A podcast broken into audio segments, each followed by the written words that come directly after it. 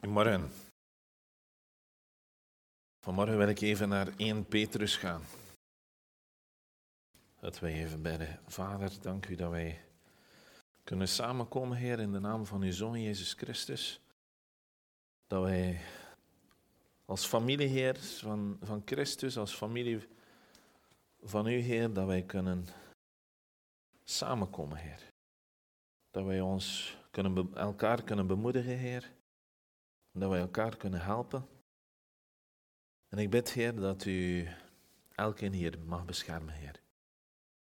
In deze onzekere tijden, Heer, waarin wij nog steeds leven.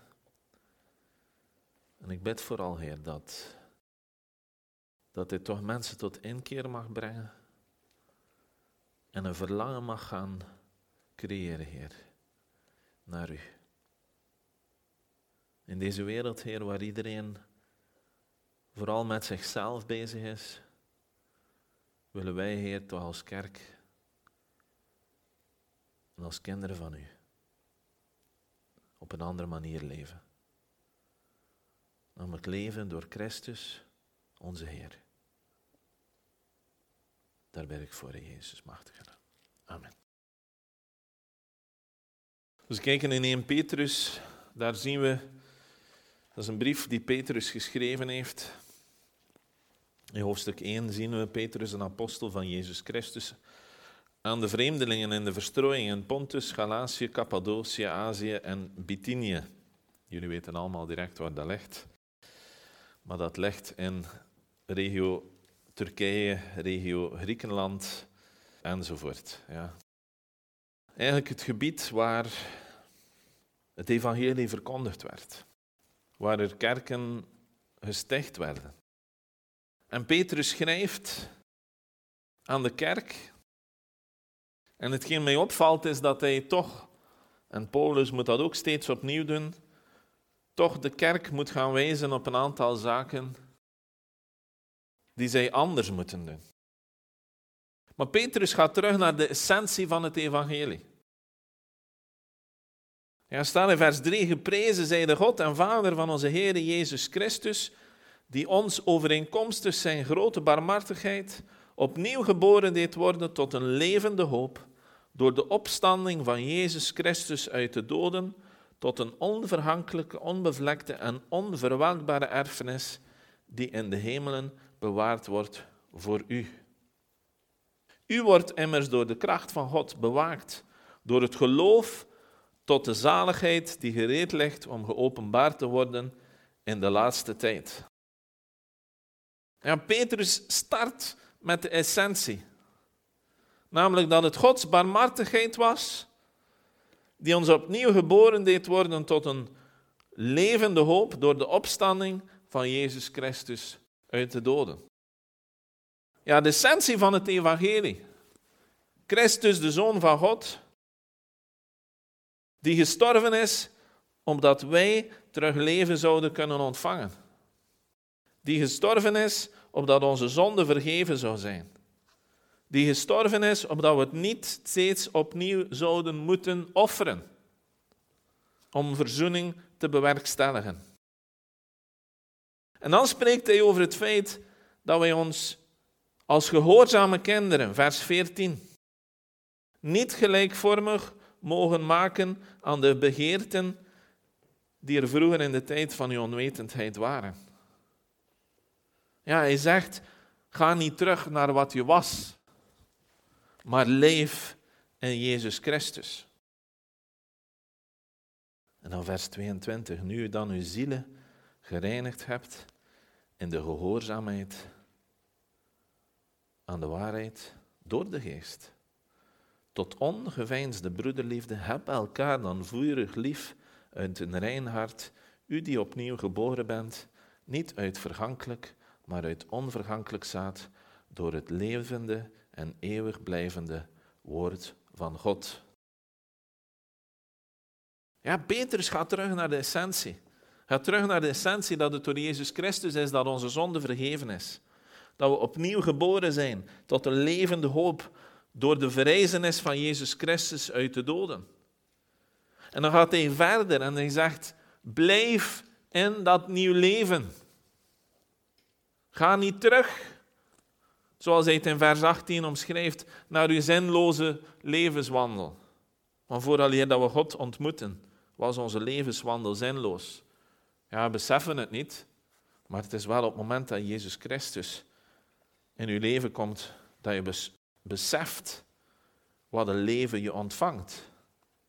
Ja, vers 21. Door Hem, Jezus Christus, gelooft u in God, die Hem opgewekt heeft uit de doden en Hem heerlijkheid gegeven heeft, zodat uw geloof en hoop op God gericht zijn. Ja, dat is de introductie van Petrus. Ja, je kunt al een hele prediking daarover geven, maar het was niet mijn doel om daarover te prediken. Maar het is wel belangrijk om te situeren. De brief van Petrus is een brief aan christenen. En hij spreekt heel duidelijke taal. Hij zegt tegen hen: blijf in het nieuwe leven. Ga niet terug naar uw vroegere levenswandel. En reinig uw zielen aan, in gehoorzaamheid aan de waarheid. En het resultaat daarvan is dat je elkaar vurig lief kunt hebben. Uit een rein hart. Dat je ongeveinsde broederliefde hebt. Omdat je vol bent van het leven en de liefde van Jezus Christus. En dan in hoofdstuk 2, en dat is waar ik toe wil komen. En hij spreekt nog steeds tot de christenen. Ja, hij zegt tot de christenen, leg dan af alle slechtheid, alle bedrog, huichelarij, afgunst en alle kwaadsprekerij. En verlang vurig, als pasgeboren kinderen, naar de zuivere melk van het woord, opdat u daardoor mag opgroeien. Indien u tenminste geproefd hebt dat de Heere goedertieren is. En kom naar hem toe als naar een levende steen, die wel door de mensen verworpen is, maar bij God uitverkoren en kostbaar. Dan wordt u ook zelf als levende stenen, gebouwd tot een geestelijk huis, tot een heilig priesterschap, om geestelijke offers te brengen, die God welgevallig zijn door Jezus Christus. Ja, er staat hier enorm veel in. hoe meer ik die passage aan het lezen was, hoe meer ik besefte dat we daar soms zo snel over gaan. Wat zegt Petrus? Petrus zegt, stap 1 is, leg af alle slechtheid, alle bedrog, huichelarij, afgunst en alle kwaadsprekerij. Ja, je zou denken, hij spreekt tot christenen, hij zal toch daarmee niet beginnen. Het is niet omdat we wedergeboren zijn en de geest van God ontvangen, dat we daarom altijd in de geest wandelen. Ja, dus hij zegt, stop daarmee. Ja, leg af slechtheid, bedrog, huichelarij, afgunst en alle kwaadsprekerij. En toch zie je heel veel van die zaken gebeuren onder christenen. Maar Peter zegt, leg dat af. Tweede dat je moet doen is, verlang vurig naar de zuivere melk van het woord. Als pasgeboren kinderen. Ja, leg af alle slechtheid, alle bedrog, huichelarij, afgunst en alle kwaadsprekerij. Ja, hij zegt niet, doet een beetje, hij zegt alle. Tweede, verlang vurig. Ja, zoals een baby die geboren is, ja, legt te wenen omdat hij wil eten, zo moet je verlangen naar het woord. Ja, je kunt er niet zonder. Waarvoor heb je dat nodig? Je hebt dat nodig om op te groeien. Het is het doel dat wij opgroeien in de Heer. Ja, denk op een andere plaats, zegt Paulus, ja, kon ik maar tot jullie spreken als tot volwassen christenen. Ja, ik verwoord het even in onze woorden of terminologie. Opgegroeide christenen. Niet van die baby's. Ja, dat je zo lepeltje per lepeltje moet geven. Maar je moet het woord kunnen innemen en erdoor opgroeien. Ja, verlang vurig naar de zuivere melk van het woord. Het woord dat zuiver is, waardoor wij kunnen opgroeien. Maar hij zegt er ook bij, indien u tenminste geproefd hebt dat de Heer goedertieren is, want anders ga je daar niet naar verlangen. Het derde, en kom naar hem toe als naar een levende steen, die wel door de mensen verworpen is, maar bij God uitverkoren en kostbaar. Ja, dus hij zegt, leg af alle slechtheid, alle bedrog, alle huichelarij, alle afgunst en alle kwaadsprekerij. Verlang vurig naar het woord en kom naar Jezus toe. En hoe moet je naar Jezus toe komen? Als naar een levende steen, die bij God uitverkoren en kostbaar is, maar door de mensen verworpen. Als we kijken in uh, Matthäus hoofdstuk 16, vers 13 tot 19, dan zien we daar Jezus die gekomen was in het gebied van Caesarea Philippi. Matthäus 16, vers 13. En hij vroeg aan zijn discipelen, wie zeggen de mensen dat ik de zoon des mensen ben? Ze zeiden, sommigen zeggen Johannes de Doper. En anderen zeggen Elia en weer anderen Jeremia of een van de profeten. Hij zei tegen hen, maar u, wie zegt u dat ik ben? Simon Petrus antwoordde en zei, u bent de Christus, de Zoon van de levende God. Ja, u bent de gezalfde, de Zoon van de levende God. En Jezus antwoordde en zei tegen hem, zalig bent u Simon Barjona, want vlees en bloed hebben u dat niet geopenbaard, maar mijn Vader die in de hemelen is. En ik zeg u ook dat u Petrus bent. En op deze Petra zal ik mijn gemeente bouwen en de poorten van de hel zullen haar niet overweldigen. En ik zal u de sleutels van het koninkrijk der hemelen geven. En wat u bindt op de aarde zal in de hemelen gebonden zijn. En wat u ontbindt op de aarde zal in de hemelen ontbonden zijn. Ja, we zien hier Jezus die vraagt aan zijn discipelen, wie zeggen ze dat ik ben? En aan de andere kant zegt hij, wie zeggen jullie dat ik ben? En Simon zegt, u bent de Christus. U bent de Messias, de Zoon van de levende God. En Jezus zegt, op deze Petra, op dit steentje, zal ik mijn gemeente bouwen. Ja, wordt dikwijls verkeerd begrepen.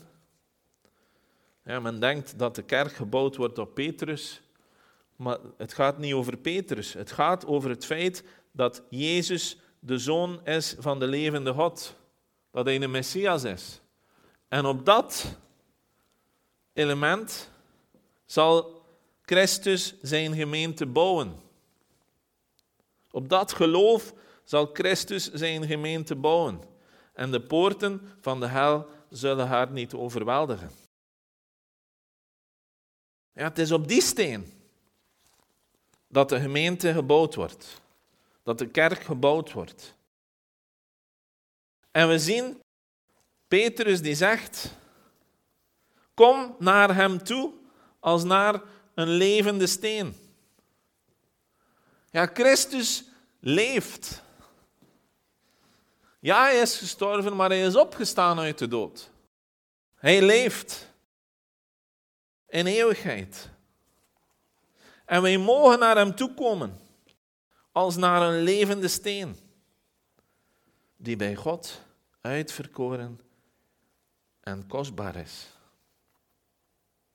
En als wij die dingen doen, ja, afleggen van alle slechtheid, vurig verlangen naar het woord en naar hem toekomen als naar een levende steen, dan staat er, vers 5, wordt u ook zelf als levende stenen gebouwd tot een geestelijk huis, tot een heilig priesterschap, om geestelijke offers te brengen die God welgevallig zijn door Jezus Christus. Wat staat er? Dan wordt u gebouwd tot een geestelijk huis. Ja, wat een opluchting. Wij moeten niet bouwen, wij worden gebouwd. Wat wij moeten doen is alle slechtheid, alle bedrog, huichelarij, afgunst en alle kwaadsprekerij afleggen. Wij moeten vurig verlangen naar het woord. En we moeten naar hem toe gaan als naar een levende steen. Maar het is hij die zijn kerk bouwt. Het is hij die ons als levende stenen bouwt tot een geestelijk huis. Ja, het is geen echt gebouw, het is een geestelijk gebouw. En hij zegt in vers 6, daarom staat er in de schrift, zie ik leg in Sion een hoeksteen die uitverkoren en kostbaar is. En wie in hem gelooft, zal niet beschaamd worden. Voor u dan die gelooft, is hij kostbaar. Maar voor de ongehoorzame geldt, de steen die de bouwers verworpen hebben, die is de hoeksteen geworden en een steen des aardstoots en een struikelblok. Voor hen namelijk die zich aan het woord stoten door ongehoorzaam te zijn, waartoe zij ook bestemd zijn. Ja, er staat enorm veel in die tekst. hij zegt, er staat in de schrift, ik leg in Sion een hoeksteen die uitverkoren en kostbaar is. Wie in hem gelooft, zal niet beschaamd worden. Voor u dan die gelooft, is hij kostbaar, maar voor de ongehoorzame geldt, de steen die de bouwers verworpen hebben, die is de hoeksteen geworden, en een steen des aanstoots en een struikelblok. Toen Jezus op aarde was, moesten ze hem niet hebben. Men spreekt heel dikwijls over de menigten die hem volgden, maar op het einde vroeg hij aan zijn discipelen: Gaan jullie mij ook verlaten? Ja, Jezus had geen massakerk. Maar ze lieten hem allemaal in de steek. En toch is Jezus Christus de hoeksteen. De hoeksteen die uitverkoren en kostbaar is. De steen die de bouwers verworpen hebben, is de hoeksteen geworden. Ja, wat is een hoeksteen? Ja, wordt dikwijls verward met een fundament. Ik heb het even opgezocht. Een hoeksteen, dat is de eerste steen die gelegd wordt voor een structuur. Ja, dat is de eerste steen die gelegd wordt. En dan worden alle andere stenen gelegd op basis van die steen. Ja, dat is dus een heel belangrijke steen, want als die verkeerd ligt, dan ligt de rest ook verkeerd. En wat zegt de schrift? Zie, ik leg in Sion een hoeksteen die uitverkoren en kostbaar is. De steen die de bouwers verworpen hebben, dat komt uit Psalmen, die is de hoeksteen geworden en een steen des aanstoots en een struikelblok. God legde de hoeksteen. En de Joden moesten er niet van weten. Het was de verkeerde steen. Het was niet de steen die zij wilden. Toch veel van de Joden. Zeker de priesters en de fariseeën. Voor hen was die hoeksteen een steen des aanstoots. Maar in de ogen van God uitverkoren en kostbaar. Ja, vers 5, dan wordt u ook zelf als levende stenen gebouwd tot een geestelijk huis. God legt de hoeksteen, Jezus Christus. En dan worden wij deel van het gebouw. Worden wij deel van het geestelijk huis. Maar altijd kijkende naar Jezus Christus. De referentie is Jezus Christus. Als je een structuur bouwt en de hoeksteen ligt juist, dan worden alle andere stenen gelegd op basis van de hoeksteen. En zo ook wij, worden wij als levende stenen gelegd op basis van Jezus Christus. Wij kunnen geen deel uitmaken van dat geestelijk huis als wij niet in Christus zijn. Ja, wat wij moeten doen is alle slechtheid afleggen, alle bedrog, huichelarij, afgunst enzovoort. Vurig verlangen naar het woord, naar Jezus toegaan en dan worden wij als levende stenen gebouwd tot een geestelijk huis. Ja, wij mogen deel uitmaken van wat God aan het bouwen is. Ja, in openbaring wordt er gesproken over de stad. Ja, wij mogen deel uitmaken van de stad. Dat is een gelijkaardig beeld. En waarom? Om een heilig priesterschap te zijn. En wat doet dat heilig priesterschap? Die brengen geestelijke offers. die God welgevallig zijn door Jezus Christus. Ja, wij zijn een gebouw, maar Jezus als hoeksteen. We worden een heilig priesterschap gemaakt om geestelijke offers te brengen. Ja, om even te vergelijken, in het Oude Testament had je priesters. Wat deden die priesters? Die priesters waren uitverkoren, ze werden apart gezet om offers te brengen. Ja, ze moesten zich reinigen, ja, ze mochten de tabernakel binnengaan. Er werd geofferd en dat was hun rol. En ik dank God dat hij Jezus Christus gestuurd heeft. Anders was dat hier een heel bloedige affaire. En zo mijn vrouw al lang plat op de grond leggen. Ja. Met al dat bloed. Ja, kun je je voorstellen, soms in het Oude Testament lees je dat ze daar duizenden slachtoffers brengen. Ja, duizenden slachtoffers, dat wil zeggen dat er heel veel bloed is. Hè? Tegen dat je al die lammeren en, enzovoort enzovoort geslacht hebt, is het proper. Ja. Als je dan de keusploeg bent, dat is wat anders. Dan een stofje hier of daar. Of een spinnenweb. Ja, dan overal bloedspetters. Ik ga er niet te veel op ingaan. Halleluja. Halleluja dat Christus gekomen is. En wij hoeven niet meer te offeren. Toch niet dieren te offeren. Er is een offer gebracht, eens en voor altijd.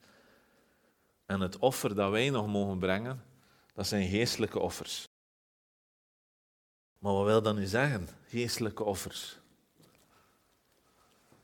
Ja, en lees daar over. Ja, als je Bijbel leest, zeg je zelf als levende stenen gebouwd tot het heerlijk huis, tot het heilig priesterschap, om heerlijke offers te brengen die God welgevallen zijn door Jezus Christus. En we gaan verder. Maar wat zijn voorbeelden van geestelijke offers? Ja, we worden gebouwd tot een geestelijk huis, met Jezus als hoeksteen. Tot een heilig priesterschap. Ja, heilig, apart gezet, wil dat zeggen. Om geestelijke offers te brengen. En ik ga een zestal voorbeelden geven van geestelijke offers. Het eerste geestelijke offer klinkt misschien niet geestelijk, maar het is het wel. Namelijk het offeren van uw lichaam. Als we even naar Romeinen gaan, hoofdstuk 12, vers 1 en 2. Ik roep u er dan toe op, broeders, door de ontfermingen van God, om uw lichamen aan God te wijden als een levend offer. Heilig en voor God welbehagelijk, dat is uw redelijke godsdienst of uw redelijke eredienst. En wordt niet aan deze wereld gelijkvormig, maar wordt innerlijk veranderd door de vernieuwing van uw denken, om te kunnen onderscheiden wat de goede, welbehagelijke en volmaakte wil van God is. Ja, wat staat er hier? Wijd uw lichamen aan God. Ja, dat is een voorbeeld van een levend offer, heilig en voor God welbehagelijk.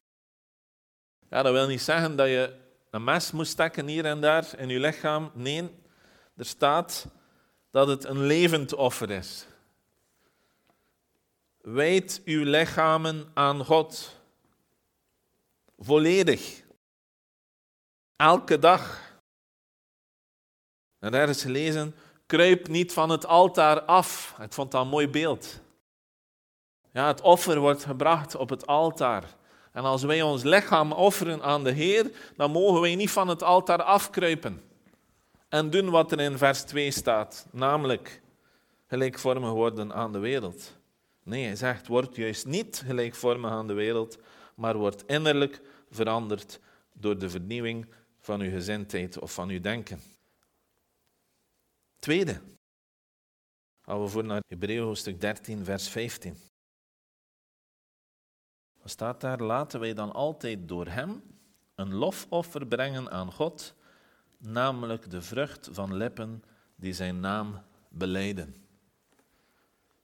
Ja, het eerste voorbeeld van een geestelijk offer is dat we onze lichamen volledig wijden aan de Heer. Tweede is dat we door hem een lofoffer brengen aan God. Namelijk de vrucht van lippen die zijn naam beleiden. Ja, het beleiden van de naam van Jezus Christus is een lofoffer aan de Heer. Het derde zien we in vers 16. En vergeet het weldoen en het onderlinge hulpbetoon niet. Want aan zulke offers geeft God een welgevallen. Ja, wat zegt Paulus hier? Uw weldoen en uw onderling hulpbetoon. Met andere woorden, het delen van wat God je geeft en elkaar helpen, om het keer in heel simpele woorden te zeggen, dat is een offer dat welgevallig is in de ogen van God. Ja, we hebben gesproken over uw lichaam, dat een offer is, een levend offer. Je zou kunnen zeggen het beleiden van de naam van de Heer, of lofprijs. Lofprijs vind ik verwarrend, omdat mensen dan denken dat het over liederen gaat. Het gaat over het beleiden van de naam van Christus. En drie, het weldoen en het onderlinge hulpbetoon. Een andere zien we in Romeinen hoofdstuk 15, vers 15 en 16. Maar ik heb u ten dele op nogal gedurfde toon geschreven, broeders, als om u hieraan te herinneren vanwege de genade die mij door God gegeven is, om een dienaar van Jezus Christus te zijn voor de heidenen, door het evangelie van God als een priester te dienen. Opdat het offer van de heidenen welgevallig zou zijn aan God, geheiligd door de Heilige Geest. Ja, we zien hier Paulus die zegt dat hij een dienaar is van Jezus Christus voor de heidenen, opdat het offer van de heidenen welgevallig zou zijn aan God, geheiligd door de Heilige Geest. Ja, het offer van de heidenen, wil niet zeggen dat Paulus uh, heidenen aan het offeren is, gewoon voor alle duidelijkheid. Ja, dat gaat erover dat het offer dat Paulus brengt, ja, door het dienen van de Heer, om de heidenen tot geloof te brengen, dat is het offer dat hij brengt. En hij wenst dat het tot geloof komen van de heidenen, dat dat wel gevallen is in de ogen van de Heer. Ja, dus het tot geloof komen van anderen door onze bediening is een ander geestelijk offer. Filippenzen, hoofdstuk 4. En Paulus spreekt daarover een, eh, een gave die hij ontvangen heeft.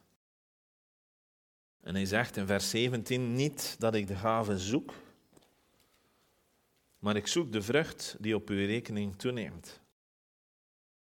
Maar ik heb alles ontvangen en ik heb overvloed. Ik ben geheel voorzien nu ik door middel van Epaphroditus ontvangen heb wat door u gezonden was, als een aangename geur, een welgevallig offer, welbehaaglijk voor God.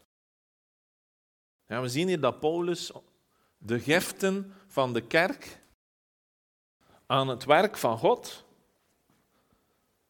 omschrijft als een aangename geur, een welgevallig offer, welbehaaglijk voor God. Ja, onze heften als vijfde aan het werk van de Heer zijn een geestelijk offer. Als we tenminste in vreugde geven. Niet onbelangrijk. En dat staat in de evangelie.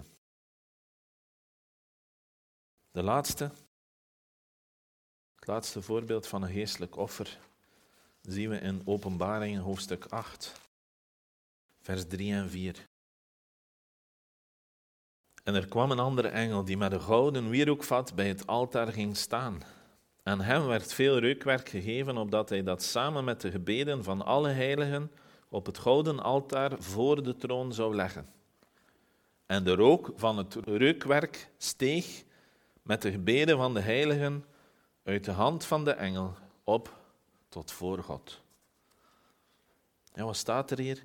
Er staat hier dat de gebeden van de heiligen dat die ook een offer zijn voor de Heer.